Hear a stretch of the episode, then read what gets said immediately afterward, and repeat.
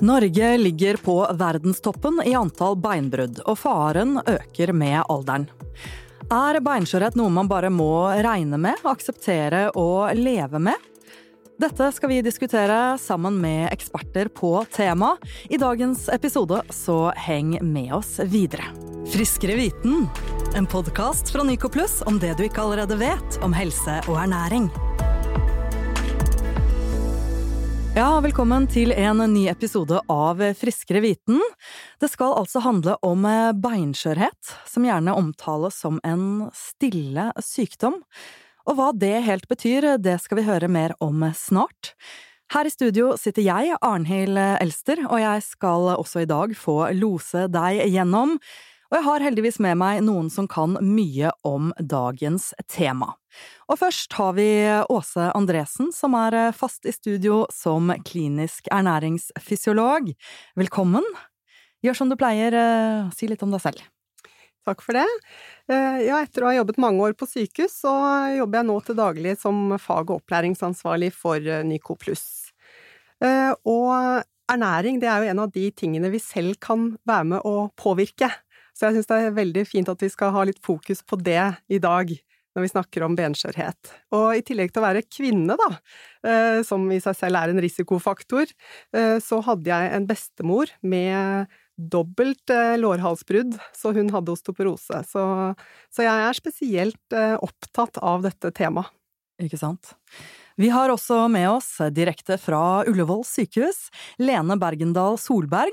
Du er overlege ved ortopedisk avdeling og også fagansvarlig ved osteoporosepoliklinikken ved da altså Oslo universitetssykehus Ullevål. Vi er veldig glad for at du hadde lyst og anledning til å være med i dag. Velkommen! Har du lyst til å presentere deg selv, bare sånn kort? Tusen takk for invitasjonen. Jeg er jo veldig glad for at uh, dere inviterte meg da, til å få snakke om benskjørhet, som jo er noe som opptar meg veldig. Og som Åse nevnte, så er dette en sykdom som rammer svært mange nordmenn. Som ortoped så møter jeg jo disse pasientene hver dag. Jeg opererer jo ofte pasienter uh, som har osteoporose. Uh, og jeg ser jo hvor invalidiserende denne sykdommen kan være for pasientene, og det er naturlig å ønske å hjelpe de for å unngå i hvert fall nye brudd, da. Ja, Vi skal snakke om beinskjørhet i dag, eller osteoporose som det også heter. Og dette er jo ditt fagfelt og uh, noe som du jobber med på daglig basis. Men fortell oss litt først om hva som gjorde at du beveget deg i, i akkurat denne retningen. Som så mye annet i livet så var det jo litt tilfeldig, men jeg begynte å forske på benvev og osteoporose allerede i studietiden. Og ble ganske sånn tidlig introdusert for, eh, for temaet og for pasientgruppen. Eh, og som ortoped så har jo egentlig det bare fortsatt.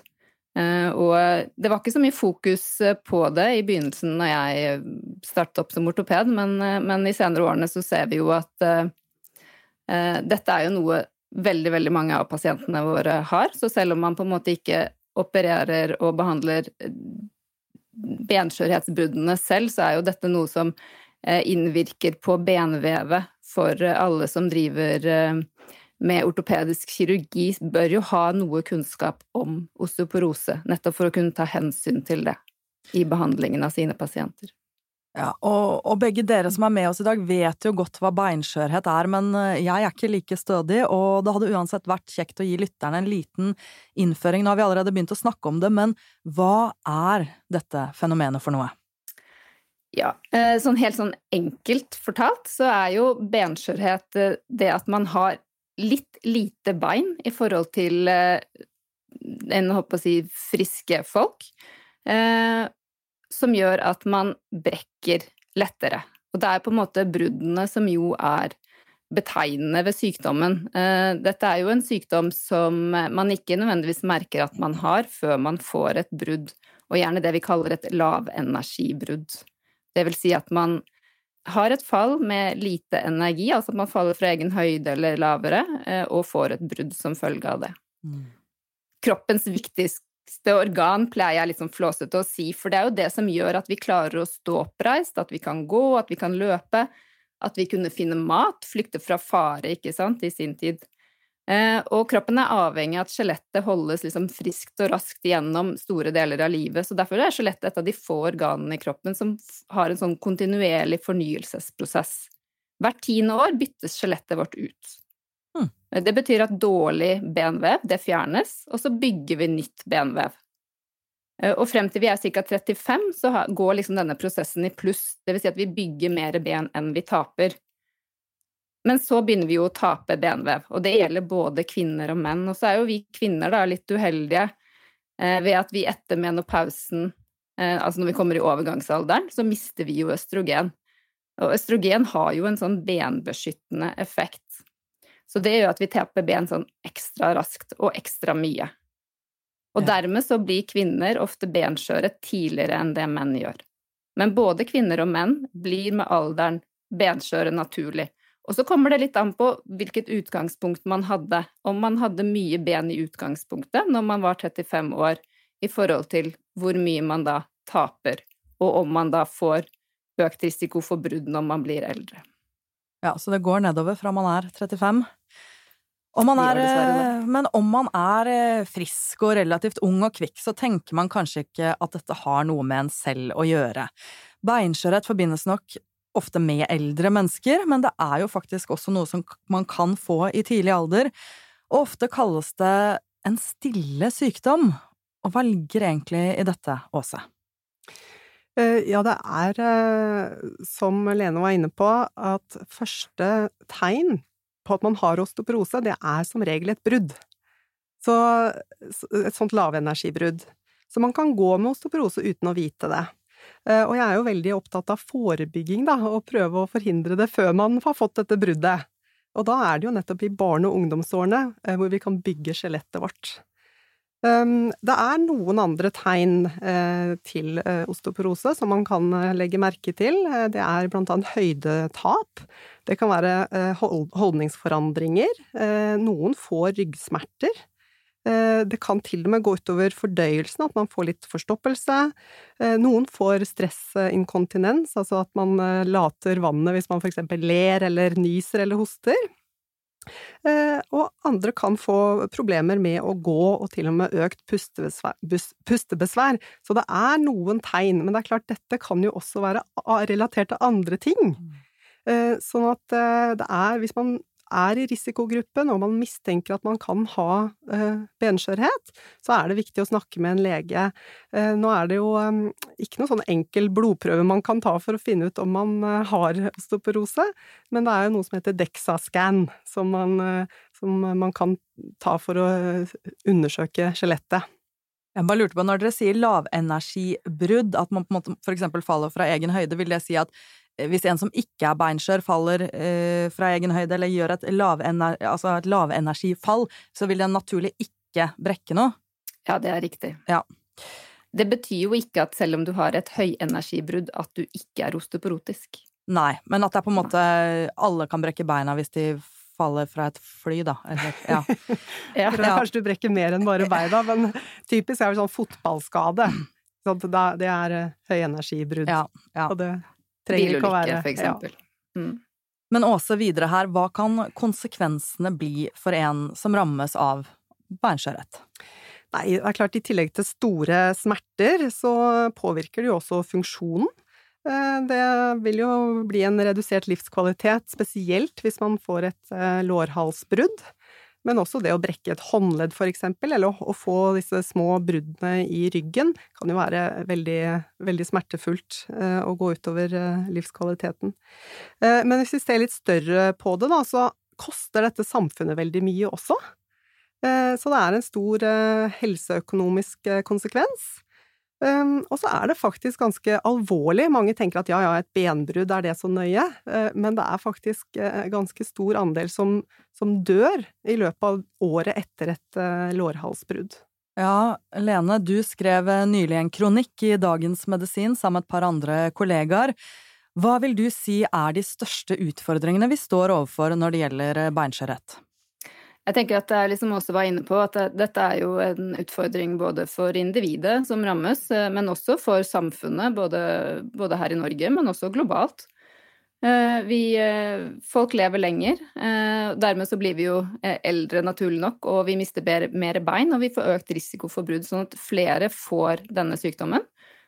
Og den alvorlige konsekvensen som da brudd er, ikke sant. Og som også var inne, inne på, det gir Stor lidelse for individet, eh, ofte mye smerter, kroniske smerter. Osteoporosepasienter er overrepresentert når det gjelder kroniske smerter, særlig de som har brudd i ryggen. For mange så gjør det jo at de får et økt hjelpebehov etter at de har hatt et brudd. Det ser vi jo særlig hos de pasientene som har lårhalsbrudd eller hoftebrudd. At mange av, mange av de kommer jo ikke hjem igjen nødvendigvis. Og så gir det jo også en overrepresentasjon av, eh, av, tidlig død. Det vil si at eh, har du hatt mange lave energibrudd, så er du en økt risiko for å dø før enn de som ikke har hatt det. Og der ser vi faktisk at menn med lavenergibrudd eller med osteoporose har høy risiko for å dø tidligere enn de som ikke har det. I mai 2021 eh, nå så ble beinskjørhet satt på dagsordenen i Stortinget for eh, første gang, hvor det var fremmet et forslag om å forsterke innsatsen for å behandle beinskjørhet og forebygge brudd hos eldre.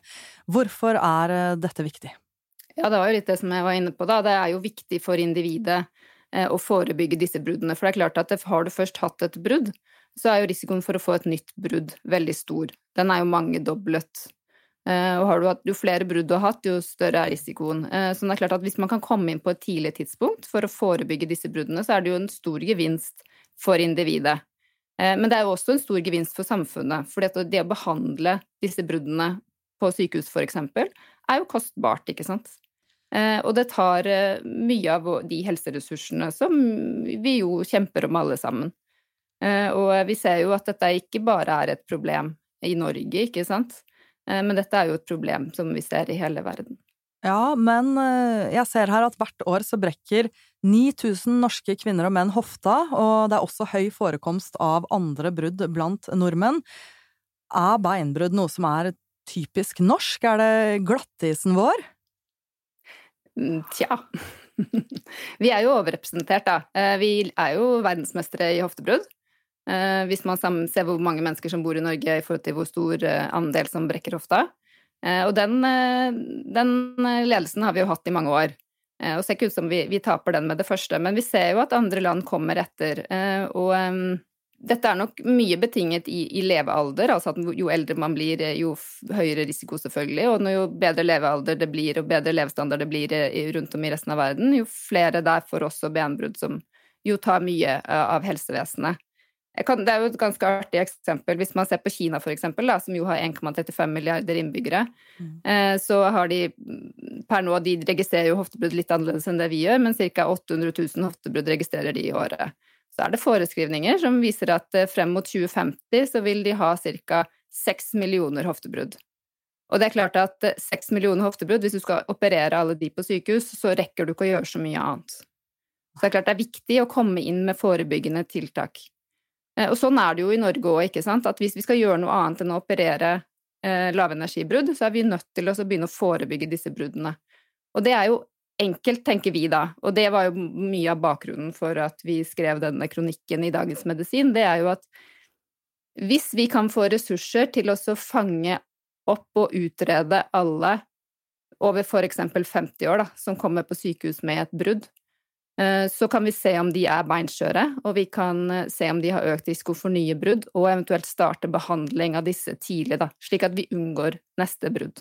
Ja, og hvordan kan man behandle dem som har beinskjørhet eller uh, har hatt brudd som følger av det? Hvis du allerede har hatt et brudd, så tenker vi at beste behandlingen er jo dette vi kaller sånn antiosteoporosemedisiner. De er jo effektive medisiner som interlaverer risikoen for brudd. Eh, og har eh, ikke så mye bivirkninger, og kan gis både i tablettform og, og som intravenøse infusjoner på sykehuset. sånn at det, er, det finnes en, en, del av disse medisinene som, som, passer til de fleste pasienter. Det er ikke mange pasienter som ikke kan ha denne type behandling. Mm. Nei, dette Men man må jo få tilbudet om det, da, ikke sant, og det er jo der utfordringen ligger. Ja, ikke sant. Dette er ikke til å spøke med, kjenner jeg. Jeg vil eh, ikke ønske meg dette verken nå eller i framtiden. Åse, hva er det egentlig som gir økt risiko for beinskjørhet, foruten de tingene som nå er nevnt? Ja, det er klart, vi har jo allerede snakket om kvinner, og særlig kvinner i uh, tidlig overgangsalder. Jo tidligere den starter, jo, uh, jo tidligere starter uh, denne nedbrytningsprosessen. eller det vil si, den skjer jo hele tiden, men at man bryter ned mer enn det man bygger opp. Og så er det, det er faktisk én av to kvinner som får osteoporose. Men det er én av fire menn også, så vi skal ikke glemme mennene. Men så er det dette med arv, arvelighet, altså genetikk. Så har man en bestemor eller en mor som har osteoporose, så er man selv i risiko, større risikosone. Røyk og alkohol, det er livsstilsfaktorer som man kan gjøre noe med. Eh, det øker risikoen jo mer man røyker, og jo mer man eh, drikker alkohol. Eh, og så skal vi ikke glemme inaktivitet. Fysisk aktivitet det er jo viktig for det meste, men også når det gjelder benhelse. Og så er det noe med å styrke muskulaturen, sånn at man forebygger fall på den måten. Eh, er man underernært, hvis man for eksempel har en lav kroppsmasseindeks eh, eller har hatt et vekttap, eh, det kan være både frivillig og ufrivillig faktisk, så øker også det risikoen for å få osteoporose. Så spesielt blant eldre, da, så er det viktig at de, de holder vekten, rett og slett. At de ikke blir underernærte. Og så er det en gruppe medisiner som kan påvirke skjelettet. Eh, så de som står på såkalt eh, steroidebehandling, eh, de over lang tid, de bør også være ekstra oppmerksomme. Og så er det dette med kostholdet, da. Det er klart, for å, det er flere ting som påvirker skjelettet, men spesielt så må vi nevne kalsium og D-vitamin, men også K-vitamin. Eh, og der er det viktig å Ofte så gis jo kalsium og D-vitamin sammen med sånn antiosteoporosemedisin, som Lene nevnte. Eh, men eh, igjen så tenker jeg forebygging fremfor behandling. Så det å tenke ernæring tidlig, allerede i barne- og ungdomsårene, for å gjøre skjelettet så sterkt som mulig, så at når du er rundt 35 år, da, så har du mest mulig å gå på. Um, og jeg syns jo det er litt skremmende at uh, ser vi på de norske kostholdsundersøkelsene, så er det faktisk ganske mange barn og unge som ikke får i seg verken nok D-vitamin eller nok kalsium. Uh, og det er vanskelig å nå den gruppen. Uh, det er vanskelig å tenke at det du spiser i dag, det har noe å si for skjelettet mitt om mange, mange år. Lene, har du noe du har lyst til å legge til denne lista om hva kan jeg og andre gjøre for å forebygge mot beinskjørhet? Jeg tror også jeg var inne på, på, det meste her. Eh, men det er klart at eh, fysisk aktivitet, stumperøyken, stumpe røyken, moderate mengder alkohol og få i seg nok kalk og D-vitamin er jo helt essensielt. Og det er jo sånn at vi bor i et land langt mot nord med lite sol, og store deler av året så får ikke vi nok D-vitamin bare ved å være ute. Sånn at de aller, aller fleste vil jo trenge tilskudd av D-vitamin gjennom året. Vi ser jo det på våre pasienter, vi måler jo D-vitamin av alle. Eh, og det er jo skremmende mange som har ganske lave nivåer av D-vitamin. Mm. Og vi vet jo at eh, for, å få, eh, for at kroppen skal klare å nyttiggjøre seg den kalken du tar inn, så må du ha nok D-vitamin, da. Sånn at det er liksom helt essensielt. Så vi anbefaler alle våre pasienter å ta D-vitamintilskudd. Det skal veldig mye til å bli overdosert på D-vitamin. Ja, her nevnes det kalsium, vitamin D, vitamin K. Åse, hva kan vi spise for å få i oss dette?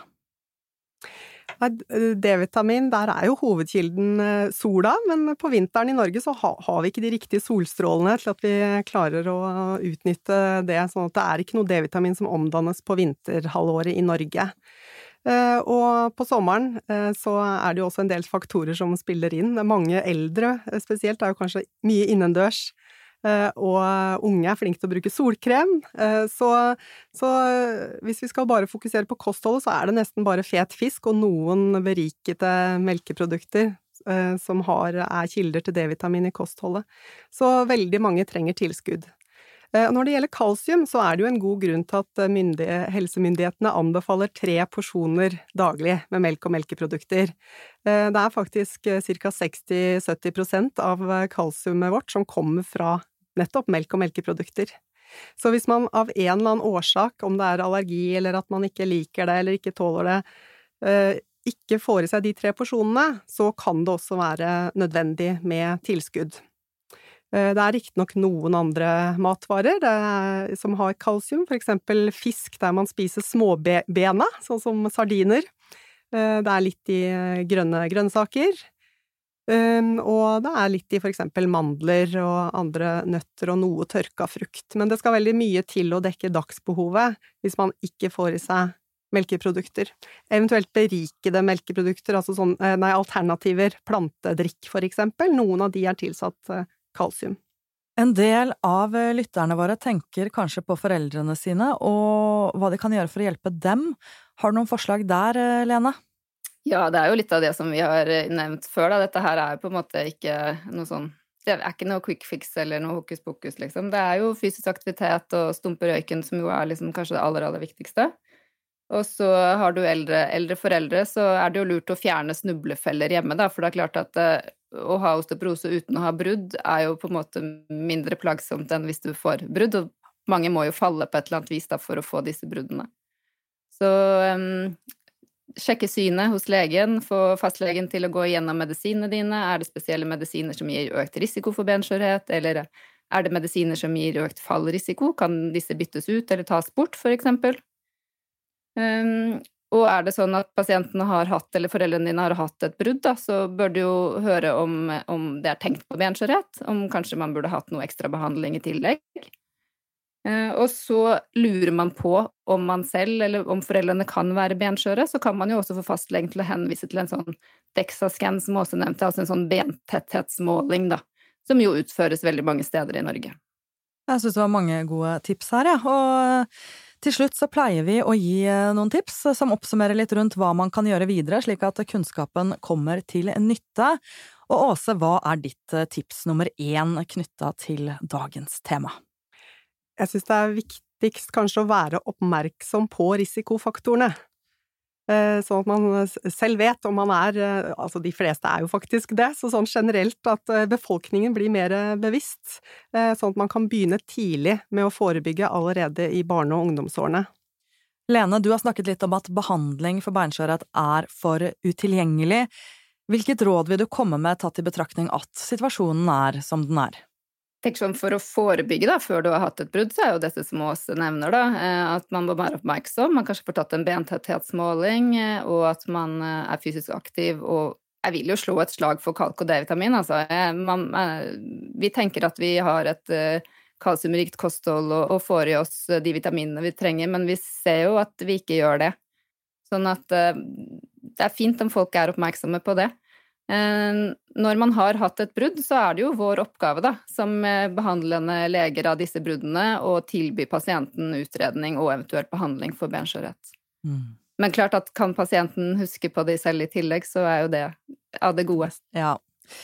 Åse, siste tips fra deg.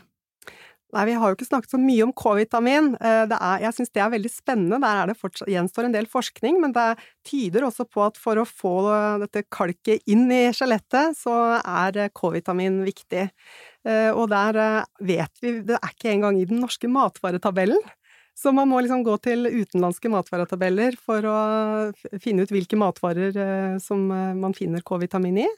Eh, men jeg tenker hvis man greier å følge helsemyndighetenes kostråd med fem om dagen med frukt og grønt og For det er blant annet mye i K1 i de grønne grønnsakene. Så kommer man veldig langt. Herlig. Kan jeg få legge til bruk brodder? Dette har vært eh, lærerikt som alltid, og jeg er sikkert ikke alene om å ta med tanken på mat som noe større og viktigere enn kun brensel til kroppen. Tusen takk for at du kom, Lene Bergendal Solberg, og kasta lys på en viktig sak, kan vi vel si. Og selvfølgelig til Åse Andresen, som alltid har svar på det meste når det kommer til helse og ernæring.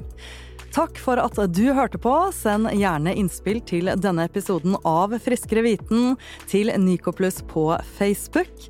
I tillegg kan du sjekke ut nycoplus.no for mer viten. Vi høres. Ha det bra.